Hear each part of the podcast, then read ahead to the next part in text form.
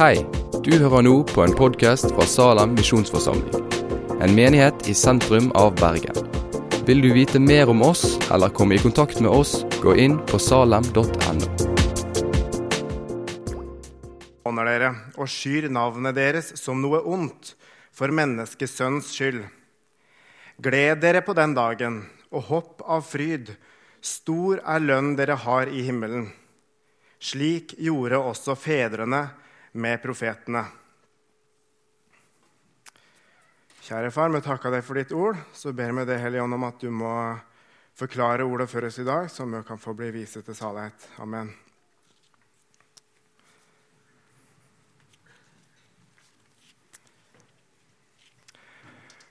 Når vi prater om Lukas, så prater vi ofte han som evangelisten Lukas. Det hender vi prater om legen Lukas, og iblant så prater vi om Lukas som Paulus sin nære medarbeider. Men vi prater veldig sjelden, eller kanskje egentlig alder, om økonomen Lukas. For faktisk så er veldig mange av de beretningene vi finner, av lignelser, små detaljer, beretninger i Lukasevangeliet, har referanser til økonomi. Vi hører stadig vekk om penger, vi hører stadig vekk om fattigdom, om rikdom. Jeg skal ta noen eksempel her. I Lukasevangeliet i kapittel 4 så hører vi f.eks. at Jesus kom for å forkynne et godt budskap for fattige. Seinere leser vi om den rike bonden som samla seg skatter her på denne jord, og ikke var rik i Gud. Vi finner lignelsen om eh, kvinna som hadde ti sølvmynter, som mista den ene sølvmynten sin og fant den igjen. Vi hører om den bortkomne sønn som tok ut arven sin og sløsa bort alt det han eide og hadde, til han sto der lut fattig. Vi hører lignelsen om den fattige Lasarus og den rike mannen. Lasarus som ikke hadde noe annet enn smule å leve av her i det jordiske liv, mens den rike mannen som så ut til å ha alt på stell. Og Vi hører om Sakkeus, den styrterike overtolleren som betaler tilbake det han skulder folk etter han ble omvendt. Og Alt dette her finner vi bare i Lukasevangeliet. alt det man nevnt, og Vi kunne nevnt mer. Og tre til fire ganger ordet 'mammon' er nevnt, så finner vi det faktisk i Lukasevangeliet. Så Lukasevangeliet ser med andre ord ut til å være veldig opptatt av dette med økonomi. Både rikdom og fattigdom. Og det ser vi et tilfelle i dagens tekst med. Salig er dere fattige. Guds rike er deres. Sale er dere Nei, og så Rett etterpå så kommer Jesus med fire v-er opp. Ved dere rike. Dere har alt fått deres trøst. Og med de to begrepet 'salig' på den ene sida og 'ved' på den andre sida, så ser vi at kan du si, hele menneskeheten blir delt inn i to kategorier. Til sjuende og sist så er det noe som er salige, som har del i det evige liv. På den andre sida så er det noe som mottar verop, som går dommen i møte, og en evig, fortapelse. Bibelen prater veldig tydelig om to utganger, vi liker den ikke. Vi kan ikke fornekte fortapelsen uten å trekke fra Guds ord. Og denne distinksjonen mellom de som på den ene sida er salige, og de som på den andre sida går dommen i møte, da, de som ikke er salige, den ser vi egentlig gjennom hele Bibelen. Og vi ser den veldig tydelig i Lukasevangeliet. Jeg har prøvd å skissere litt eh, kort opp her i en liten tabell. her. Vi har allerede nevnt på de som er salige, og de fattige er salige. Som står i kontrast til de rike som mottar opp. Seinere i Lukasevangeliet så hører vi om de som samla seg skatter i himmelen. De er salige. Og det står i kontrast til de som samla seg skatter her på jorden. Vi hører om Lasarus, som ikke hadde noe særlig å rutte med her i dette livet. Men han var salig og står i kontrast til den rike mannen som endte i dødsriket. Og vi ser, leser om disipler som når de ble kalt, de forlot alt de hadde for å følge Jesus. Og Det står i ganske skarp kontrast til den unge, rike mannen som Helland gikk bort ifra Jesus for å kunne beholde sin rikdom. Salige er dere fattige, Guds rike er deres. Ved dere rike, dere har alt fått deres trøst.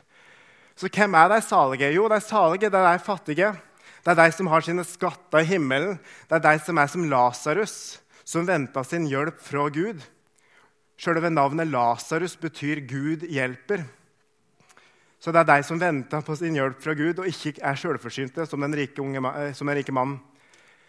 Det er de som er som disipler, som heller vil ha Jesus enn å tviholde på jordisk gods.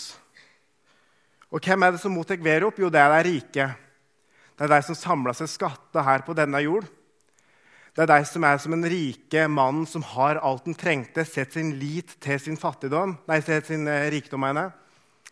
Det er deg som er som en unge, rike mann som Helland vil si ha det bra til Jesus for å kunne tviholde på jordisk gods.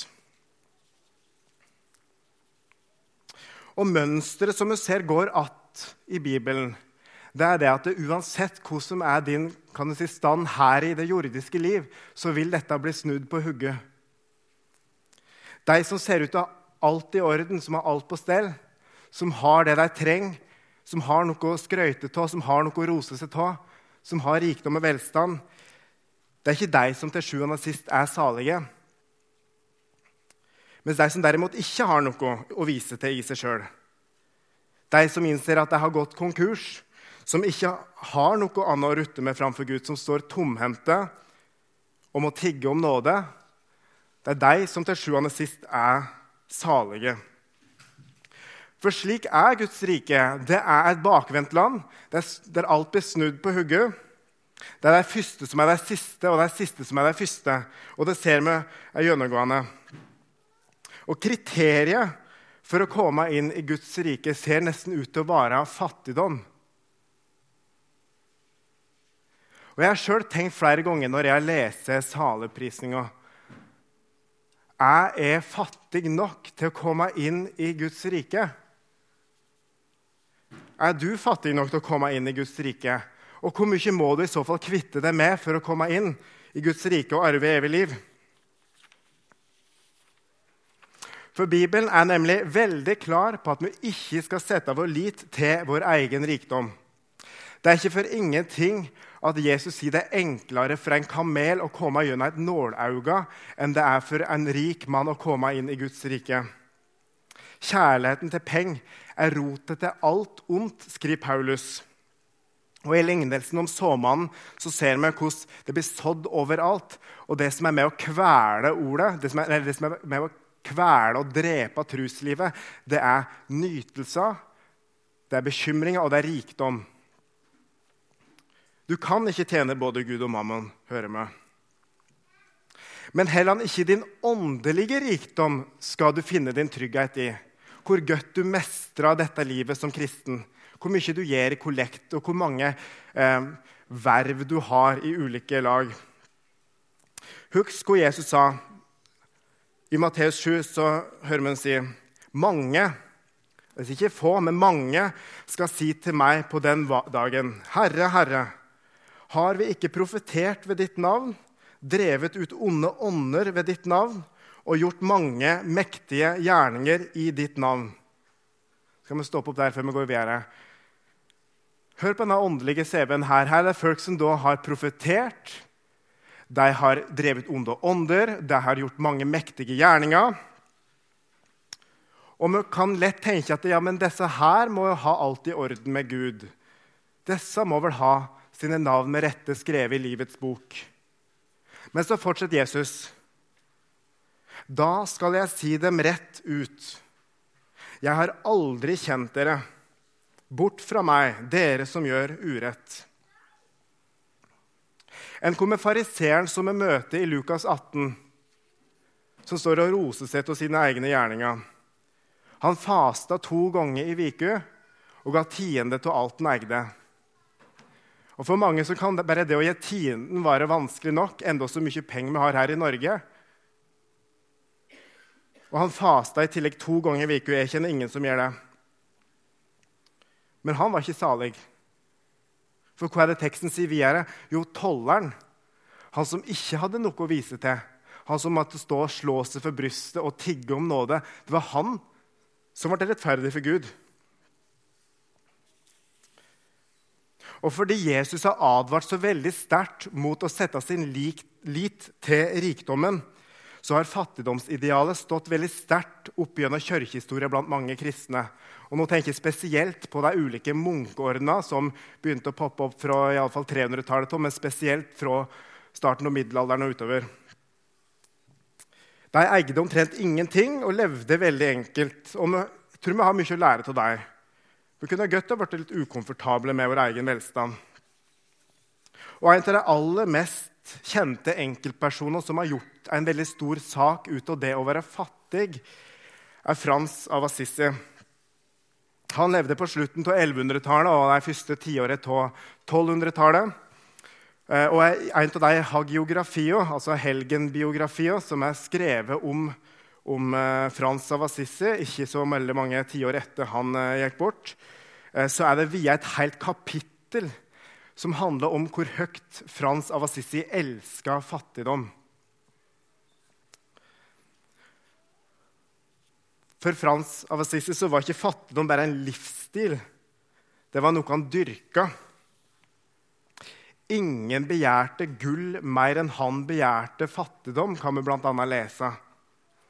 Og han sa ting som at fattigdom er den særskilte veien til frelse. Han personifiserer fattigdommen. Han prater om fattigdommen som sin brud og sin mor og sin hustru. Eller frue. Og I denne geografien så kan vi blant annet lese Jeg ville ha med et lite utdrag fra den. For den syns jeg kommer med noen litt interessante tanker rundt hvordan han tenkte rundt fattigdom. som jeg skal lese. Hvis han altså da Frans av Assisi, hvis han så noen som i sin ytre framtoning så ut til å være fattigere enn ham selv, tok han seg selv omgående i skole og presset seg til å strebe etter en like stor fattigdom som om han deltok i en konkurranse i fattigdom og var redd for å tape. Da han en gang møtte en fattig på sin vei og så hvor elendig mannen var, stakk det ham i hjertet, og med gråt i stemmen sa han til sin medbroder.: Hans fattigdom er meget beskjemmende for oss, for vi har valgt fattigdom som vår skatt, men den stråler mye klarere i ham. Vi har valgt fattigdom som vår skatt. Det er en ganske interessant formulering. Og Rundt 300 år etter Frans av Assisi så møter vi på en annen munk, en augustinermunk, som er kanskje litt mer kjent. Martin Luther. Luther er ikke spesielt kjent for, altså, for sin materielle fattigdom. Men han er kanskje mer kjent for sin åndelige fattigdom. Som munk så hadde han en et enormt behov for å bekjenne synder. Han kjente på veldig mye anfektelse og hadde stadig vekk behovet for å bekjenne sine synder. Og Dette gikk veldig utover mentoren hans, som stadig måtte høre på synsbekjennelsen til Luther, for han hadde stadig vekk noe nytt å bekjenne. Og han var til slutt lett til å måtte høre på han. Han syntes ikke han hadde noe interessant å bekjenne. Og Ved en anledning så hadde han til og med skal han visstnok ha bestått og bekjent synderføren i seks timer. Og Dette kan på mange måter høres veldig kristelig ut. Men kan jo tenke ja, hadde jeg bare kjent like stor åndelig fattigdom, ja, kanskje da blir jeg salig. Kanskje da vil Gud se en nåde til meg hvis jeg bare angrer nok. Hvis jeg bare er oppriktig nok når jeg bekjenner. Hvis jeg bare får enda litt mer synserkjennelse, ja, kanskje der kan jeg finne saligheten. Bli med salige tå å eie lite. Ble Frans av Assisi frelst fordi han levde i ekstrem fattigdom?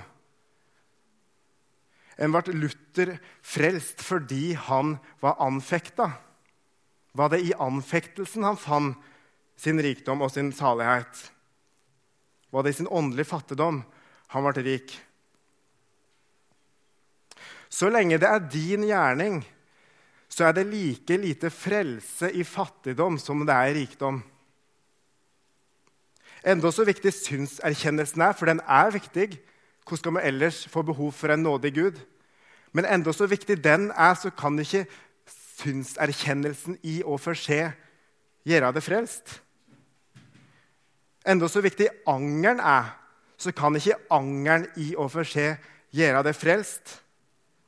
Det er like lite frelse å stole på egen åndelig fattigdom, din anger, din synserkjennelse, som det er å stole på egne rettferdige gjerninger og rikdom. Så hvor finner vi salighet, da? Saligheten som Luther senere skulle til å oppdage, den finner du ikke i deg sjøl. Den finner du i at Guds rike er for slike fattige sjeler som det og meg. Og fattig, det er du. I Isaiah 64 så leser vi at vår rettferdighet er som ureint tøy. Med andre ord, det du har å stille opp med, er møkjute klede. Det du har klart å sope sammen til gode gjerninger, det er ikke noe annet enn verdiløst skrap, for å låne et uttrykk til Paulus. Ikke engang synserkjennelsen ved å erkjenne synd nok, kan du gjøre deg fortjent til Guds nåde.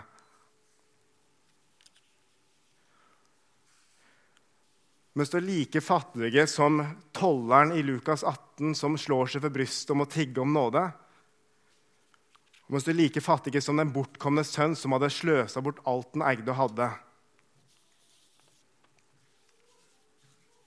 Du har ikke noe i deg sjøl å feste din lit til. Stakkars det, sier verden. Salig er du, sier Jesus.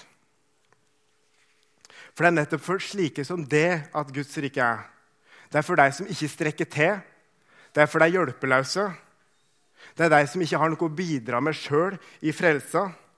De som ikke stoler på sine egne gjerninger, sin egen angel, sin egen synserkjennelse. Enda hvor viktig det er å erkjenne sin synd. For de har ikke noe annet å gripe til enn Jesus. Og har du Jesus, så har du alt. Forstå meg rett. Synserkjennelsen, forsakelse og daglig omvendelse det skal vi ikke forsømme. Men selve saligheten ligger ikke i å stirre innover i sin egen fattigdom. Saligheten ligger i å løfte blikket mot en konge som er rik på miskunn. Vi skal lese et vers fra Jakob 2. Har ikke Gud utvalgt de fattige i verden til å være rike i troen og til å arve det rike han har lovet dem som elsker ham? Det er slik Guds rike er. Der er det Gud som er konge, og han er ikke som alle andre konger. Og Derfor er ikke Guds rike som alle andre riker her. Jesus kom ikke for å bade i luksus og smykke seg med velstand, men han ble født inn i en fattig familie. Han kom ikke for å innføre nye, tunge skatter for bønder, men han kom for å forkynne et godt budskap for fattige og et nådens år fra Herren. Han kom ikke ridende på en staselig, fin, flott hest, men på et lite esel. Han kom ikke med en gullkrone og staselige klær, men han var, satt, ble hengt på et kors med tornekrone. Og Han sendte ikke sine egne ut i krig for å stride for han, men han kom for å stride for deg hjelpeløse og gi sitt liv for sine venner og for sine egne fiender. I Salme 72 så leser vi ei kongesalme der eh, Salomo ber til Gud om å få visdom til å kunne be eh, Unnskyld eh, Visdom til å kunne styre riket som Gud. Og Med det så får vi et bitte lite innblikk i hvordan Gud er som konge. Og Der leser vi i vers 12-14.: Han berger en fattig han berger en fattig som roper, en stakkar som ingen hjelper. Han bryr seg om fattige og svake. Han berger de fattiges liv. Han løser dem fra tvang og vold. Deres liv er dyrebart i hans øyne. Du er dyrebar i Guds øyne. Du er så dyrebar at han fornedra seg sjøl for å dø i ditt sted, så du skulle få leve. I andre kor 8-9 så leser vi Dere kjenner vår Herre Jesu Kristi nåde. Enda han var rik, ble han fattig for deres skyld, så dere skulle bli rike ved hans fattigdom. Og det er der vi finner salighet. Ikke i vår rikdom, ikke i vår fattigdom, men i Han som gjør oss rik. Jeg syns eh, 2011-oversettelsen av Nytestamentet oppsummerer på en veldig fin måte. Det er en overskrift i Efeserbrevet kapittel 1. Der står det 'Alt i Kristus'. I Kristus så har vi alt. Og har du alt, da mangler du ingenting. I Kristus har han velsignet oss med all åndens velsignelse i himmelen. I Kristus har han utvalgt oss til å stå for hans ansikt hellig og uten feil. I ham, altså i Kristus, har vi friheten kjøpt med hans blod, tilgivelse for syndene. I ham er også dere blitt arvinger. Det er også vi blitt arvinger, vi som på forhånd var bestemte det. I ham kom også dere til tro da dere hørte sannhetens ord, evangeliet om deres frelse.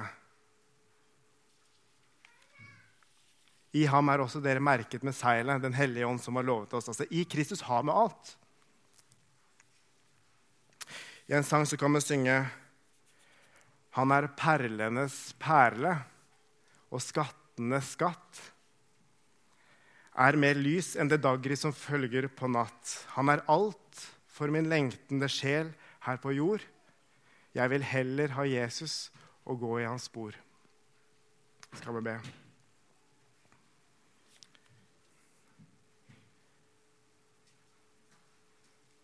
Kjære Jesus, vi takker deg for at vi alltid er. Vi takker deg for at vi ikke finner salighet i oss sjøl. Takk for at vi kan få komme til det som er, og at du gjør oss rik når vi står fattige. Amen.